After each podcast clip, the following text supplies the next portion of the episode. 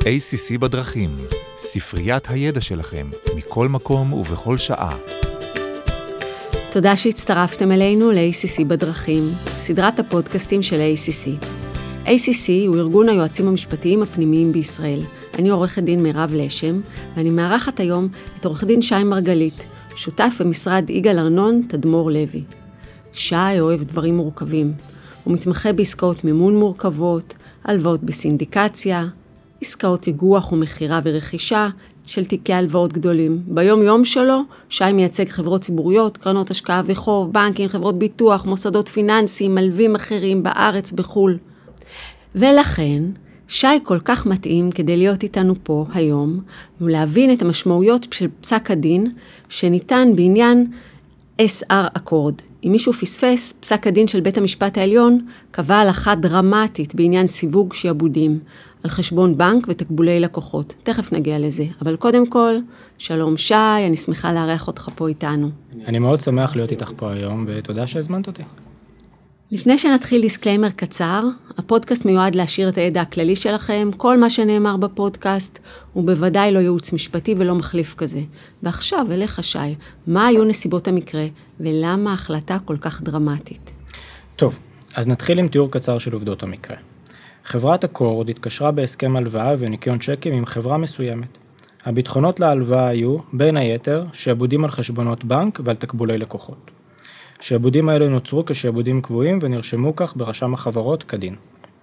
כשנה לאחר יצירת השעבודים, הוגש כתב אישום נגד החברה בגין שורה של עבירות פליליות, וביניהן עבירות לפי חוק איסור הלבנת הון. במסגרת ניהול ההליך הפלילי, המדינה ביקשה מבית המשפט לחלט את רכוש החברה שנתפס. ואז אני מבינה שבית המשפט היה צריך לקבוע את סדר הקדימויות ולברר איזה שעבודים קודמים לזכות החילוט. נכון. לפי הקביעה של בית המשפט, שעבודים קבועים יקדמו לזכות החילוט, אה, ושעבודים צפים יבואו אחרי זכות החילוט, בסדר הקדימות, כל עוד שהם לא יתגבשו. לכן בית המשפט נדרש לקבוע מהו הסיווג המתאים של שעבודים. בהקשר הזה, בית המשפט סוקר את הקריטריונים המרכזיים של שעבודים קבועים לעומת שעבודים צפים, ועל בסיס הקריטריונים האלה קובע, בהלכה תקדימית לדעתנו, שהשעבודים על חשבונות הבנק ועל תקבולי הלקוחות יסווגו כשעבודים צפים.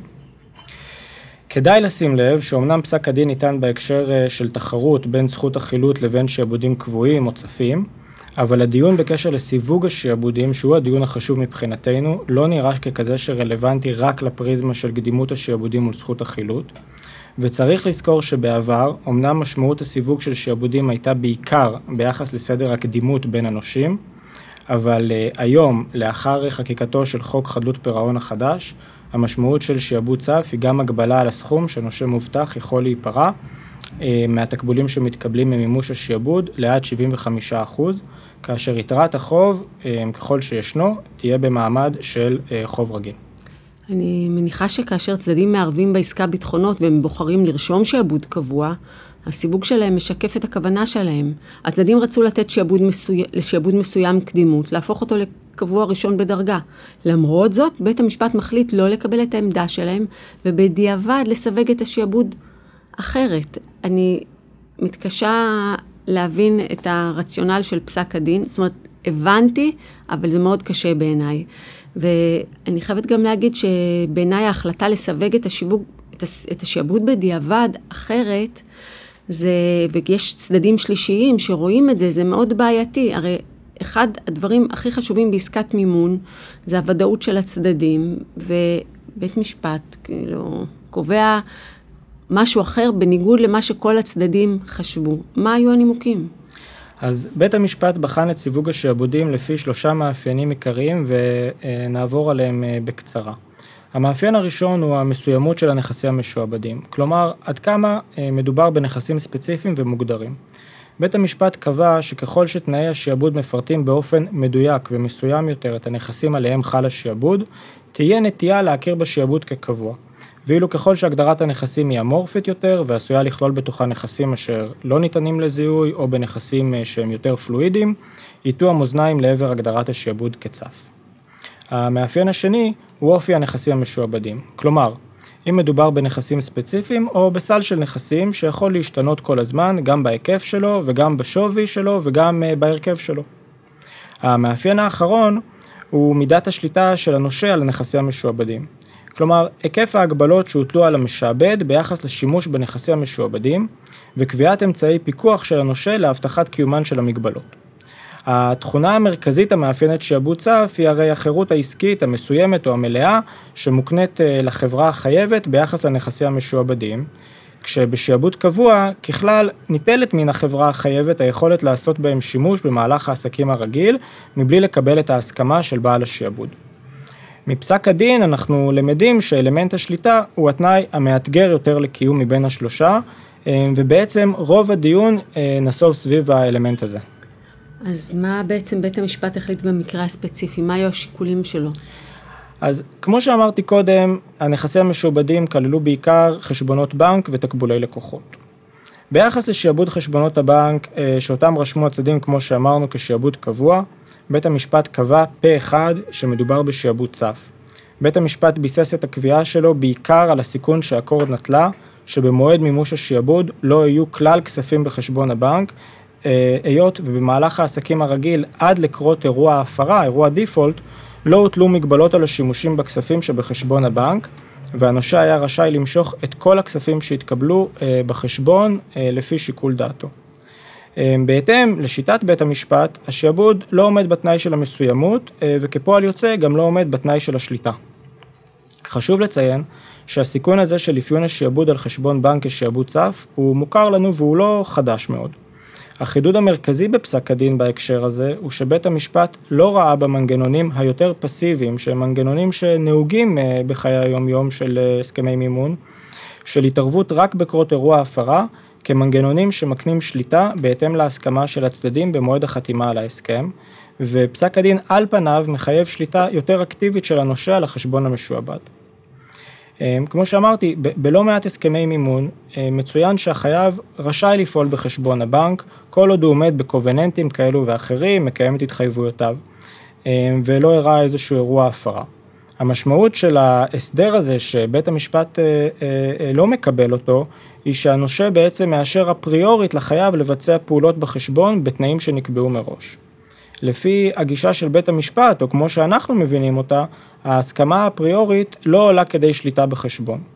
הגישה הזאת מייצרת קושי, כי סביר שהחייב לא יסכים... ב understatement. ב understatement, נכון. כי סביר שהחייב לא יסכים להתקשר בהסכם שמחייב אותו לקבל אישור הד uh, הוק uh, פר מקרה של הנושה עבור כל פעולה בחשבון. הרי ברוב המקרים החייב זקוק לכספים האלה כדי להתנהל בצורה שוטפת. אמ, בנוסף, גם אם הצדדים היו מסכימים על מנגנון של אישור ביחס לכל פעולה ופעולה, הרי מה הייתה התוצאה בפועל? היא לא הייתה שונה בהרבה.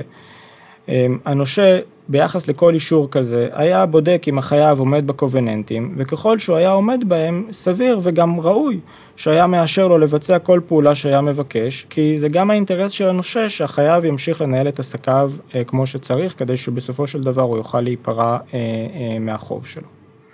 חלופה אחרת שעשויה להיגזר מפסק הדין והיא גם לא סבירה בעינינו, היא ששעבוד קבוע יכול לחול רק על פיקדון סגור, כלומר רק על סכום כסף מסוים של כסף, וזה... זה לא עומד, זה גזירה שהשוק לא יכול לעמוד בה. נכון, נכון מאוד.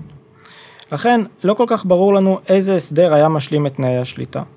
אמ, אנחנו כעורכי דין שעוסקים בתחומים האלה המתנו לפסק דין של בית המשפט שידון בסוגיה החשובה הזו, אבל לדעתנו מפסק הדין קשה לגזור מספיק כלים כדי להבין באיזה תצורה ניתן בנסיבות האלה של אשראי חוץ בנקאי לשעבד חשבון בנק בשעבוד קבוע ובעצם חוסר הוודאות שהיה סביב הסוגיה הזאת אמ, אפילו אפשר להגיד שדי התחדד. אמ, ביחס לשעבוד של תקבולי לקוחות שהוא השעבוד השני ש... שהיה כאן פסק הדין אה, אה, אפילו יותר מאתגר. חשוב לציין שלדעת המיעוט של כבוד השופטת רות רונן, אה, אה, קבעה שמדובר בשעבוד קבוע, היות ולדעתה אה, מדובר בקבוצה של לקוחות ספציפיים ומוגדרים שניתנים היו לזיהוי, וביחס לכל לקוח נרשם שעבוד נפרד. דעת הרוב לעומת זאת של כבוד השופטים קנפי שטיינמיץ ויצחק עמית הייתה שונה, והם קבעו שמדובר בשעבוד שוטף. שני השופטים אבל ביססו את הקביעה שלהם על, על נימוקים מעט שונים. עמית, כבוד השופט עמית, נימק את ההחלטה שלו בכך שרשימת ההסכמים המשועבדים לא הייתה מסוימת מספיק. שהיה, הואיל וצוין בה רק שם הלקוח ולא פרטים יותר ספציפיים על ההסכמים, כמו תאריך וכל הצדדים להסכם. צריך לשים לב שבלא מעט מקרים פרקטית מאוד קשה להוסיף פירוט בקשר למקור התקבולים. נניח כאשר ההתקשרות מול הלקוחות מתבצעת רק על בסיס הסכמ... הזמנות עבודה ואין הסכם מסודר. כבוד השופטת קנפי שטייניץ נשענה בקביעתה יותר על יסוד השליטה מאשר על אלמנט המסוימות. כאן נכון לפתוח סוגריים קצרים ולציין שקיימת הבחנה בקשר לשעבוד תקבולי לקוחות בין השעבוד על הזכויות החוזיות לקבלת התקבולים לבין התקבולים עצמם שכבר התקבלו אצל החייב. שזה מאוד חשוב. נכון. שעבוד הזכויות החוזיות אמור להקנות לנושה את האפשרות, במקרה של מימוש השעבוד, להיכנס בנעלי החייב מול הלקוח, בצורה כזאת שהלקוח יהיה חייב, יהיה חייב לקיים את הזכויות מול הנושה, מול נותן ההלוואה. באמצעות שעבוד הזכויות, הנושה כעיקרון יכול, להבנתנו, לפנות אל הלקוח ולחייב אותו, החל ממועד המימוש של השעבוד, להעביר את התקבולים לחשבון שבבעלותו. השעבוד על התקבולים שכבר התקבלו, הוא לעומת זאת בעצם השעבוד אה, אה, על, החשבון, על חשבון הבנק והוא שעבוד נפרד. כדי לשעבד זרם תקבולים באופן מלא, זה נכון שצריך לשעבד גם את הזכויות מכוח, מכוחן נובעים התקבולים, כלומר את ההסכמים, וגם את חשבון הבנק אליו התקבולים נכנסים. עדיין, לא אמורה להיות מניעה לשעבד רק זכויות מכוח הסכמים ללא שעבוד על חשבון בנק. במקרה כזה, במועד המימוש של השעבוד, מכספים שכבר התקבלו בחשבון הבנק הלא משועבד, הנושה המובטח לא יוכל להיפרע. ורק כספים שהתקבלו החל ממועד המימוש ואילך יוכלו לפרוע את הנושה המובטח בקדימות ביחס לנושים האחרים. עד כאן הסוגריים. את בוודאי שואלת אה, למה אה, היה רלוונטי ההסבר הזה. מאוד. אה, ההסבר רלוונטי ההסבר הרלוונטי כי ההנמקה של השופטת קנפי שטיימיץ נסמכת גם על כך שיסוד השליטה לא הושלם, היות ותקבולי הלקוחות לא הופקדו בחשבון המיוחד שנשלט על ידי הנושה. ההנמקה הזאת בעצם מכילה באופן אה, קטגורי את הקביעה ביחס לחשבון הבנק, גם ביחס לשעבוד הזכויות, ופוגעת בנושה, או אפשר לראות שהיא פוגעת בנושה כאילו פעמיים. תחילה הכספים שנצברו בחשבון אה, נכון למועד המימוש לא הוכרו ככאלה אשר משועבדים לטובת הנושה בשעבוד קבוע, ובנוסף גם הכספים שהתקבלו החל ממועד המימוש ואילך לא ייחשבו כשעבודים בשעבוד קבוע. אני לא אגזים, ואם אני אגיד שכל שוק האשראי בארץ עצר את הנשימה כשהתפרסם פסק הדין, וכל אחד רץ מהר הביתה לבדוק את תנאי השעבודים שלו, ולבדוק אם uh, הוא עומד במבחנים ואיך זה משפיע עליו. אני גם אגיד שהיו לי שיחות עם הרבה משרדים, וכולם uh, uh, הוטרדו גם מהשעבודים הקיימים שלהם לבדוק ולסדר את העניינים, אולי אם צריך, וגם מחוסר הוודאות. אבל בכל זאת, מה אפשר לעשות כדי להגביר את הוודאות ביחס לשעבודים שקיבלת? מה ההמלצות? אז לצערנו פסק הדין לא יורד אה, לרזולוציה של מה נדרש באופן פרקטי לעשות כדי ששעבודים על חשבונות בנק ותקבולי כוחות יסווגו כקבועים. אבל אנחנו כן אה, לקחנו לעצמנו מספר מסקנות מרכזיות מפסק הדין והיינו שמחים לחלוק אותם אה, איתכם. ביחס לשעבוד חשבון לקוחות, כדי להגדיל את הסיכוי שהשעבוד יוכר כקבוע, נדרש לדעתנו להגביר את מידת השליטה של הנושה בחשבון הבנק עד כמה שרק ניתן ולצמצם את חופש הפעולה של החייב בחשבון הבנק למינימום האפשרי, בנסיבות העניין כמובן, כי שמירה על זכות ההתערבות רק בקרות אירועי הפרה או זכות פיקוח כללית על חשבון הבנק, ככלל לפי פסק הדין הזה, אינם מספיקים. נראה גם שכדאי להוסיף נקודות בקרה או שליטה, כמו ניהול החשבון על ידי נאמן, או צירוף הנושה כבעל זכויות חתימה בחשבון, אה, שיאפשרו או שיהוו איזשהו פיקוח על מנגנון אה, שחרור הכספים, רק בכפוף לאישור של הנושה. כי אתה באמת אמרת קודם שמרכז הכובד של פסק הדין היה בעצם בעניין של השליטה. זה בעצם מין מנגנון, אתה מציע איזשהו מנגנון שבכל זאת יטה את הכף לטובת, לטובת העניין של שליטה. נכון מאוד. מה שאנחנו אה, רואים שפסק הדין מתבסס על, על השליטה בקשר לחשבון הבנק, בייחוד על השליטה של הנושה בחשבון הבנק, וככל שהנושה יעשה בנסיבות העניין מה שאפשר אה, כדי לחזק את השליטה שלו בחשבון, ככה הסיכוי שהשעבוד יוכר כקבוע הוא סיכוי יותר גבוה. ביחס לשעבוד תקבולי לקוחות, ההמלצות שלנו או הרעיונות הפרקטיים שאנחנו רוצים לחלוק איתכם הם, הם מעט יותר מורכבים. כדי שהשעבוד יוכר כקבוע, כמו שאנחנו לומדים מפסק הדין, נדרש לפרט ככל הניתן את הפרטים של מקור התקבולים. וכאן אני ממליץ לשים דגש על פרטי ההסכם או מסמך ההתקשרות מכוחו חי... החייב זכאי לתקבולים ולציין את פרטי הצד שממנו צפויים לקבל את התקבולים. אמ, במקרה של הסכם נכון לציין גם את הצדדים וגם את תאריך ההסכם. אמ, כשמדובר בהזמנות עבודה או בהתקשרויות שלא מוסדרות בהסכם, אז אפשר לחייב את החייב להתקשר בהסכם מסגרת עם הלקוח ולשעבד את הזכויות מכוח הסכם המסגרת. בוא נגיד את זה, רק נחדד, כי אמרנו קודם שיש בעיה עם אה, חשבוניות, אנחנו יודעים את זה, ואז הם אף פעם לא אף פעם, אבל הרבה פעמים לא מסוימות. אז בעצם העצה הפרקטית שאתה נותן, יש לך ספק שאתה עובד איתו עם uh, הזמנות, אז תעשה איתו איזה הסכם מסגרת כללי, וזה יספק את הדרישת מסוימות לגבי מילוי הפרטים. נכון.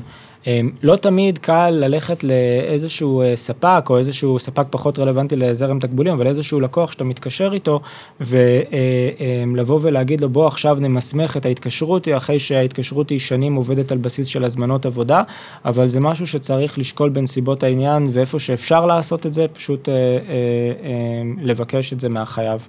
גם אם זה לפעמים לא הכי נוח ברמה הפרקטית. ההמלצה הנוספת היא אמ, שנכון להגביל ככל הניתן את היכולת של החייב לבצע ללא אישור הנושה אה, שינויים בזכויות הממושכנות. כלומר, לתקן את ההסכמים המשועבדים ולהשתמש בתקבולים המשועבדים.